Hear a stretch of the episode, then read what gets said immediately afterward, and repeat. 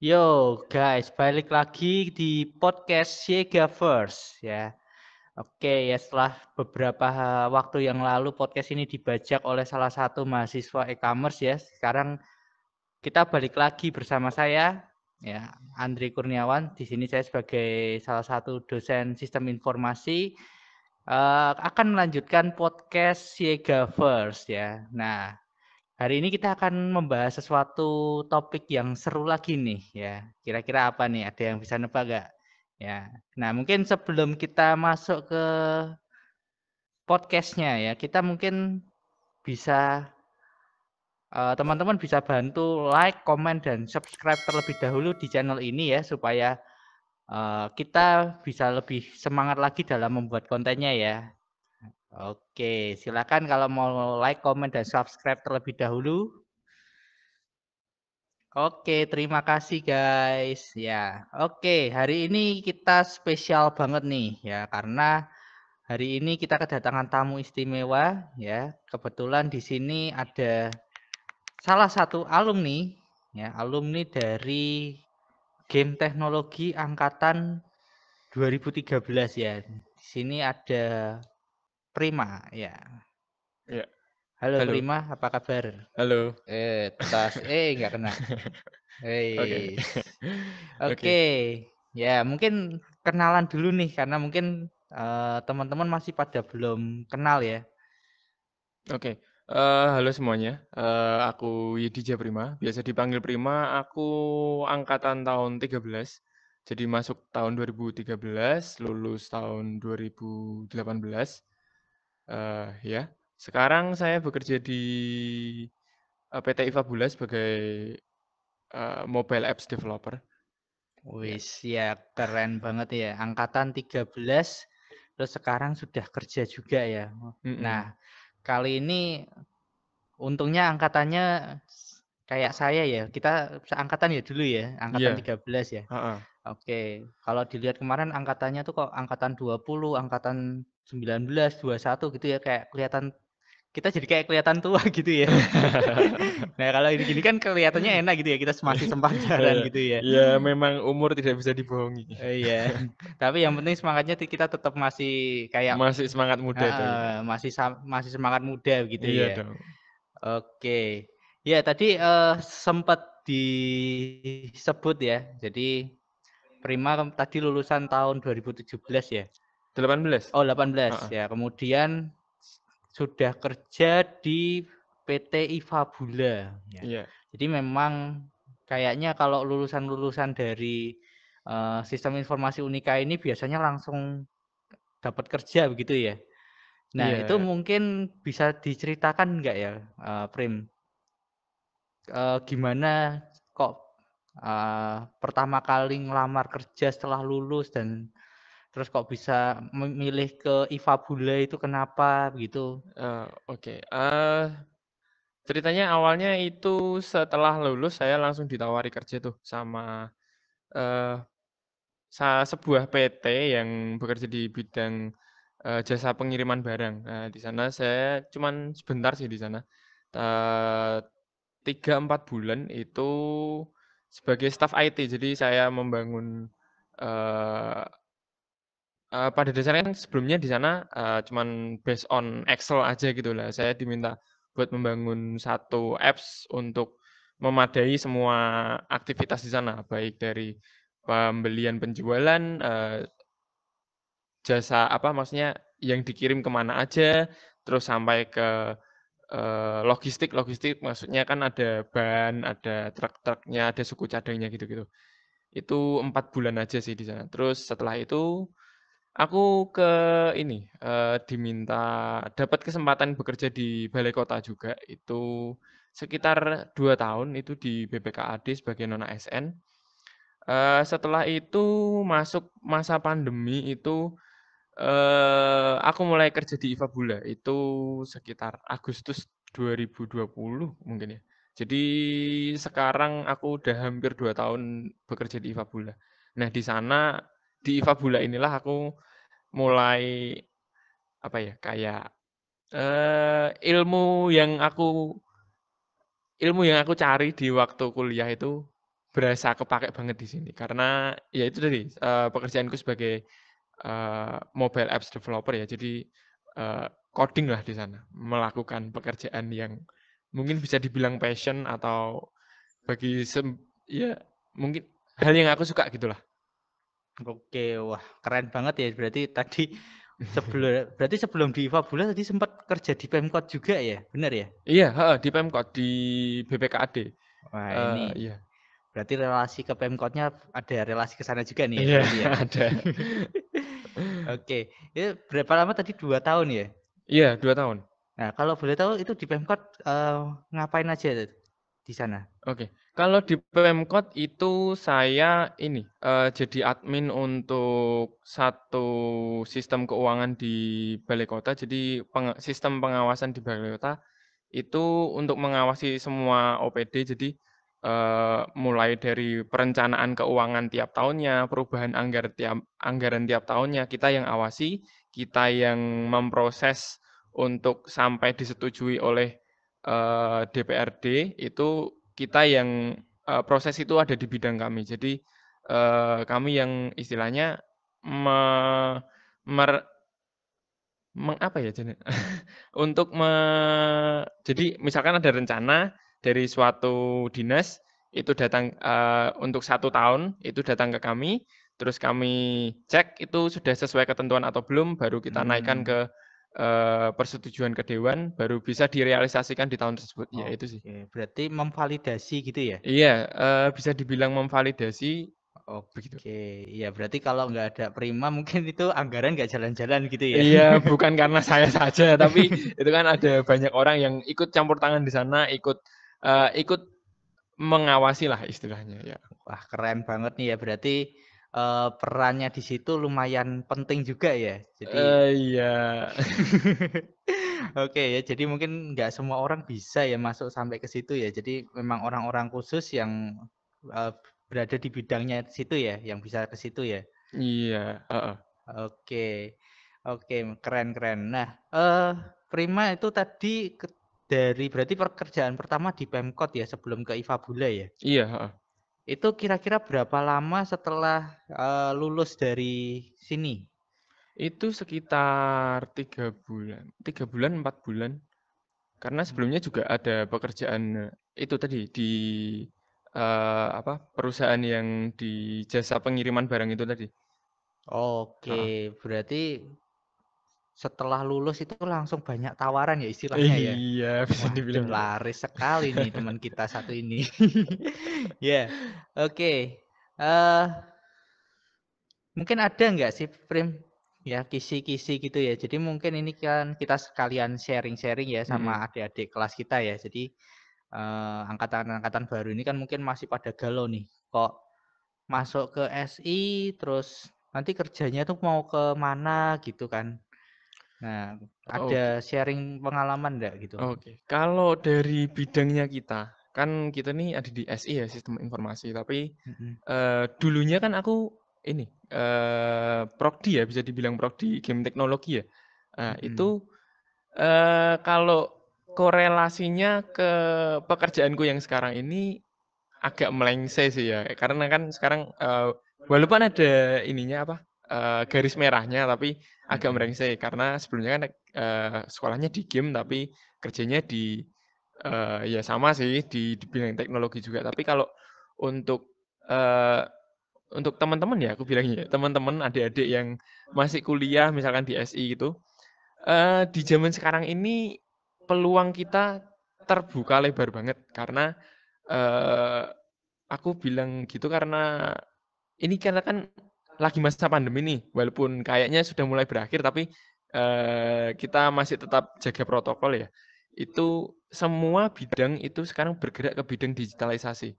Dan uh, perusahaan banyak perusahaan-perusahaan yang membutuhkan uh, sistem informasi ini uh, untuk men apa ya? Uh, kalau bisa dibilang tuh translate dari perusahaan ke developer karena bahasa-bahasa yang digunakan perusahaan itu kadang kalau langsung ke developer teknis itu agak susah dipahami. Jadi uh, ada perantaranya. Lah itulah kita. Jadi uh, kita punya kesempatan besar di sana. Karena untuk menerjemahkan bahasa dari istilahnya di bidang bisnis ke bidang teknis. Ya, kal gitu sih. Jadi peluang besarnya di sana. Oke, berarti kita semacam kayak jembatan gitu Iya, ya. heeh. Jembatan antara manusia dan juga ke komputer gitu ya. Iya, gitu. Teknisnya begitu ya, Pak. Iya. Jadi eh, bisa dilihat di sini ya kalau memang eh, nanti eh, masa depan kita itu sudah terjamin dari situ ya. Jadi memang karena kita lihat juga dari eh, tren teknologi saat ini ya, pasti semua perusahaan itu bergerak ke arah digitalisasi ya, Iya, betul ya. benar, heeh.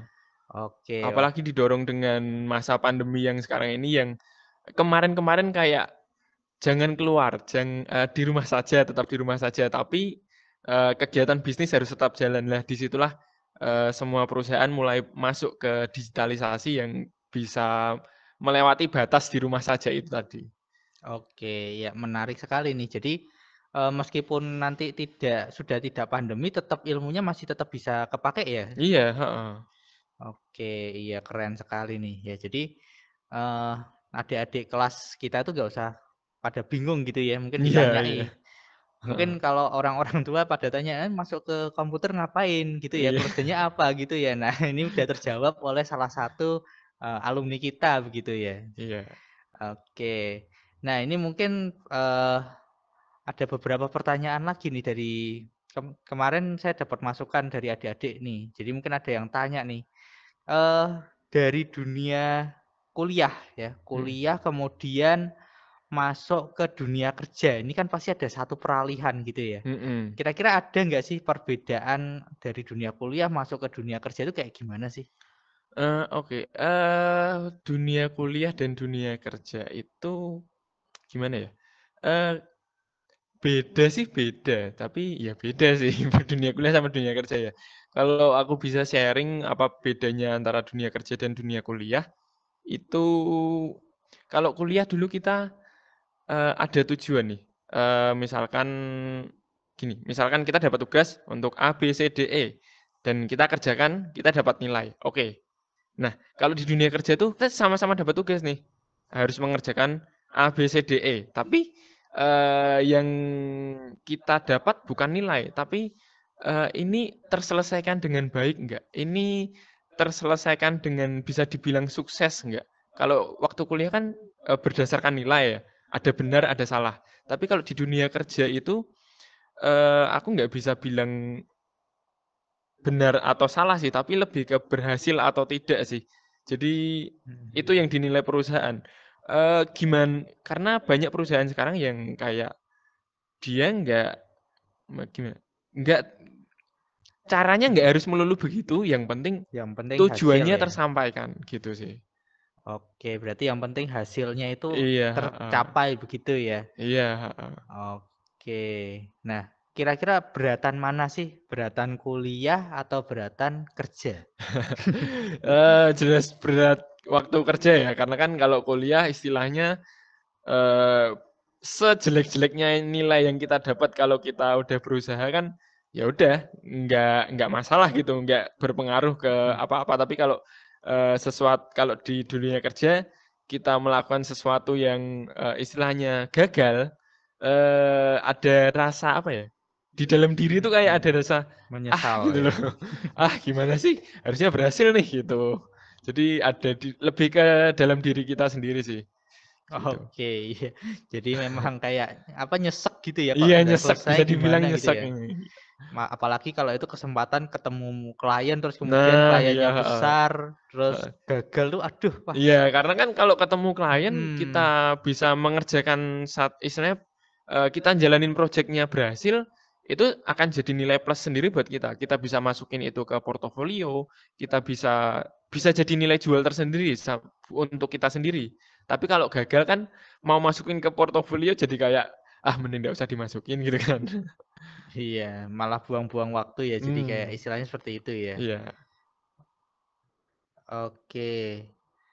Berarti ini teman-teman nih masih kalau adik-adik kelas kita tuh istilahnya masih kayak harusnya lebih santai gitu ya karena eh, masih tugas kuliah tuh masih kayak gitu ya. Jadi jangan terlalu uh, ngeluh tugasnya banyak dan sebagainya ya. Di dunia Iya. kerja lebih serem lagi ya nanti Iya. ya. Iya. Oke, ya jadi mungkin itu. Jadi teman-teman bisa lebih uh, menikmati kuliahnya ya selama selagi kuliah itu harus dibanyakin portofolio, Nah, dibanyakin itu sih. kegiatan gitu ya. Jadi Iya. biar ketika kerja nanti udah nggak kaget gitu kan. Mm-mm. Jadi eh, semacam pembiasaan aja sih untuk dunia kerja. Jadi enggak enggak terlalu santai tapi juga sudah punya ritme untuk bekerja dengan baik. Karena ya karena di tempat bekerja itu kita bekerja dengan tim, bukan dengan diri sendiri. Kalau misalkan kita dapat tugas kuliah kan misalkan untuk individu ya udah kita kerjain bagus atau enggak itu ngefeknya ke diri kita sendiri. Tapi kalau di dunia kerja kita bekerja dengan tim, kalau kita kitanya nggak mampu ngikutin ritme tim itu satu tim itu eh, nggak bisa jalan bareng terus harus menunggu kita lah itu yang eh, mungkin juga bedanya antara dunia kerja dan dunia kuliah ya Hmm, gitu Oke, jadi ya jadi kayak analoginya kayak tubuh gitu ya. Kalau Iya. kaki kanan jalan ya kiri harus ikut jalan gitu ya. iya kalau kaki kanan ketinggalan ya nggak bisa jalan kan Iya, paling kesandung gitu ya, Iya. jerumup gitu ya. Oke. Ya, eh mungkin eh, berikutnya apa ya? Eh tadi kan sempat dijelaskan ya, Prim, eh, terkait dunia kerja itu sama dunia kuliah itu kan ada kesinambungan ya. Ada materi-materi yang dari kuliah itu nyambung ke dunia kerja. Nah, Mm-mm. mungkin eh, Prima sendiri mata kuliah apa sih yang paling nyambung saat ini ke dunia kerja? Masih ingat Oke. nggak mata kuliahnya dulu apa? Aduh, lupa mata kuliahnya. Tapi eh, kalau aku boleh bilang eh, bukan mata bukan mata kuliahnya sih, tapi lebih ke eh, cara berpikirnya. Jadi kalau eh, dulu eh, kita ada tuh kuliah yang apa sih? Intinya pemrograman lah. Itu kita di sana belajar kalau nggak salah itu Java atau C++ ya, aku lupa. Tapi yang kita pakai di dunia kerja itu bukan C++-nya, tapi logika berpikirnya. Jadi kayak eh kalau kita paham logika berpikirnya dalam pemrograman, ini aku ambil contoh di eh, bidangku ya, di eh, sistem informasi ini, aku kan dulu belajar itu kan, eh, pemrograman itu. Kalau kita paham cara berpikir pemrograman, kita mau dikasih eh, bahasa pemrograman Java, C++, C, C Sharp, eh, dan banyak bahasa pemrograman yang lain, itu eh, kita udah oke aja karena kita udah paham nih eh, gimana cara looping, gimana cara menggunakan if. Itu kalau masalah sintak perbedaan bahasa itu kan kita bisa cari di Google ada banyak banget dan eh, itu akan selalu berubah karena zaman akan terus berubah kan. Kita nggak bisa eh, misalkan fokus ke bahasa C, kita menguasai bahasa C aja, tapi eh, pindah ke Java nggak nggak bisa. Nah itu eh, bukan fokus ke bahasanya, tapi cara berpikirnya. Kalau kita bisa menguasai cara berpikirnya, eh, mau pindah ke bahasa mana pun itu oke-oke aja sih. Oke, ya berarti tadi eh yang penting itu logikanya gitu ya. Mau Iya, kita cara belajar berpikirnya. bahasa apa pun itu pasti suatu saat akan eh, apa kayak tergerus gitu ya. Iya, heeh. Heeh, jadi Karena kan ada update-update itu kita juga harus belajar terus. Jadi nggak nggak penting kalau misalnya di tempat lain kok diajari ini bahasa ini di tempat kita kok cuman bahasa ini gitu sebenarnya nggak penting ya. Yang Iya, penting enggak, eh, logikanya bukan nggak gitu penting, ya. nggak terlalu penting sih, tapi yang penting itu tadi cara berpikirnya aja sih. Oke, iya benar. Yang penting kita bisa lebih adaptif untuk eh, bisa mempelajari. Oh ini ternyata tuh eh, sintaksnya seperti ini. Yang penting logikanya Mm-mm. sudah ada gitu ya. Iya. Oke, ya. Ah mungkin karena mungkin ini kayaknya waktunya sudah cukup panjang juga ya. Kita sudah ngobrol Oh. panjang lebar gitu ya. Oh iya kerasa Oh. ya. Iya, kayak asik gitu ya kayaknya Asik ya. ya. Ya, jadi ini mungkin pertama kali ya Prima ke dunia metaverse ini ya. Oh iya, ha, ini baru lihat sih ini. Ya, ini Baru kelas nyobain ini juga. Kelasnya yang sekarang udah beda ya sama ruang kelas dulu ada per- persamaan atau perbedaan? Oh, Udah beda ya. ya beda dong, jelas dong. Oke. Oke. Mending yang mana? Yang sekarang apa yang dulu? Iya jelas Oh, mending iya. yang sekarang karena kan ada update-update gitu kan ya. Oke, ya. Oke, mungkin eh untuk mengakhiri sesi kali ini gitu ya. Mungkin Prima ada pesan kesan selama berkuliah ya atau mungkin siapa sih dosen terfavorit waktu Iya. dulu? Ya, mungkin ada salam juga ke dosennya. Kalau dosen terfavorit jelas ya Pak Erdi ya. Wah itu Wis. dosen dosen ya menurut saya sih menurut saya dosen favorit saya. Tapi kalau eh, pesan kesan eh, untuk teman-teman yang mau memasuki dunia kerja eh, apa ya? Kalau menurutku dibanyakin ini aja sih. eh dibanyakin portofolio dan relasi karena eh, di dunia kerja semakin banyak portofolio eh, akan semakin membuka kemungkinan untuk kalian bisa diterima kerja di banyak tempat. Jadi semakin banyak portofolio, semakin besar kesempatanmu untuk bekerja di suatu tempat. Gitu sih. Dan Oh. relasi. Gitu sih. Oke, siap. Jadi itu teman-teman ada wejangan terakhir dari eh, kakak kelas kalian nih ya. Jadi eh, supaya nanti teman-teman ketika lulus sudah eh, apa ya istilahnya mudah cari kerja dan sebagainya ya. Jadi perbanyak portofolio. Jadi tugas-tugas jangan lupa dikerjakan Nah, ya. jelas dong karena karena aku pernah dengar eh, ini sih. Nilai nilaimu itu cuman mengantarkanmu sampai di meja HRD, tapi untuk keputusanmu diterima atau enggaknya itu eh, berdasarkan portofoliomu. Jadi kalau nilaimu jelek juga susah tuh sampai ke HRD. Nah, gitu. Oke, jadi bisa diimbangi ya antara ngerjain tugas terus tadi portofolio berarti mungkin kayak organisasi juga itu juga penting gitu Iya, ya. heeh, karena di organisasi juga kita belajar eh, komunikasi kan, Eh, skill Ya. komunikasi kita, soft skill kita. Karena untuk bekerja di dalam tim suatu ketika bekerja itu kita kan bekerja di dalam tim. Nah, itu kan perlu ada komunikasi yang baik antara satu orang dan ya- dengan yang lain gitu kan. Jadi cukup penting juga sih itu soft skill dalam hal komunikasi itu. Oke, ya menarik sekali. Oke, mungkin karena waktu sudah menunjukkan pukul segini ya, jadi mungkin kita harus segera mengakhiri sebelum ada yang datang nanti ke sini. Nanti ada orang ketiga di antara kita ya. Waduh, waduh. Oke, mungkin kita Oke, oke. bisa akhiri eh, podcast hari ini. Sampai ketemu, tos dulu. Oke, Oke. gini Oh, sama. Oke, Oke. siap. Terima kasih Prima. Oke, Dan terima kasih teman-teman sudah mau uh, me- mengikuti podcast dari awal hingga akhir ini.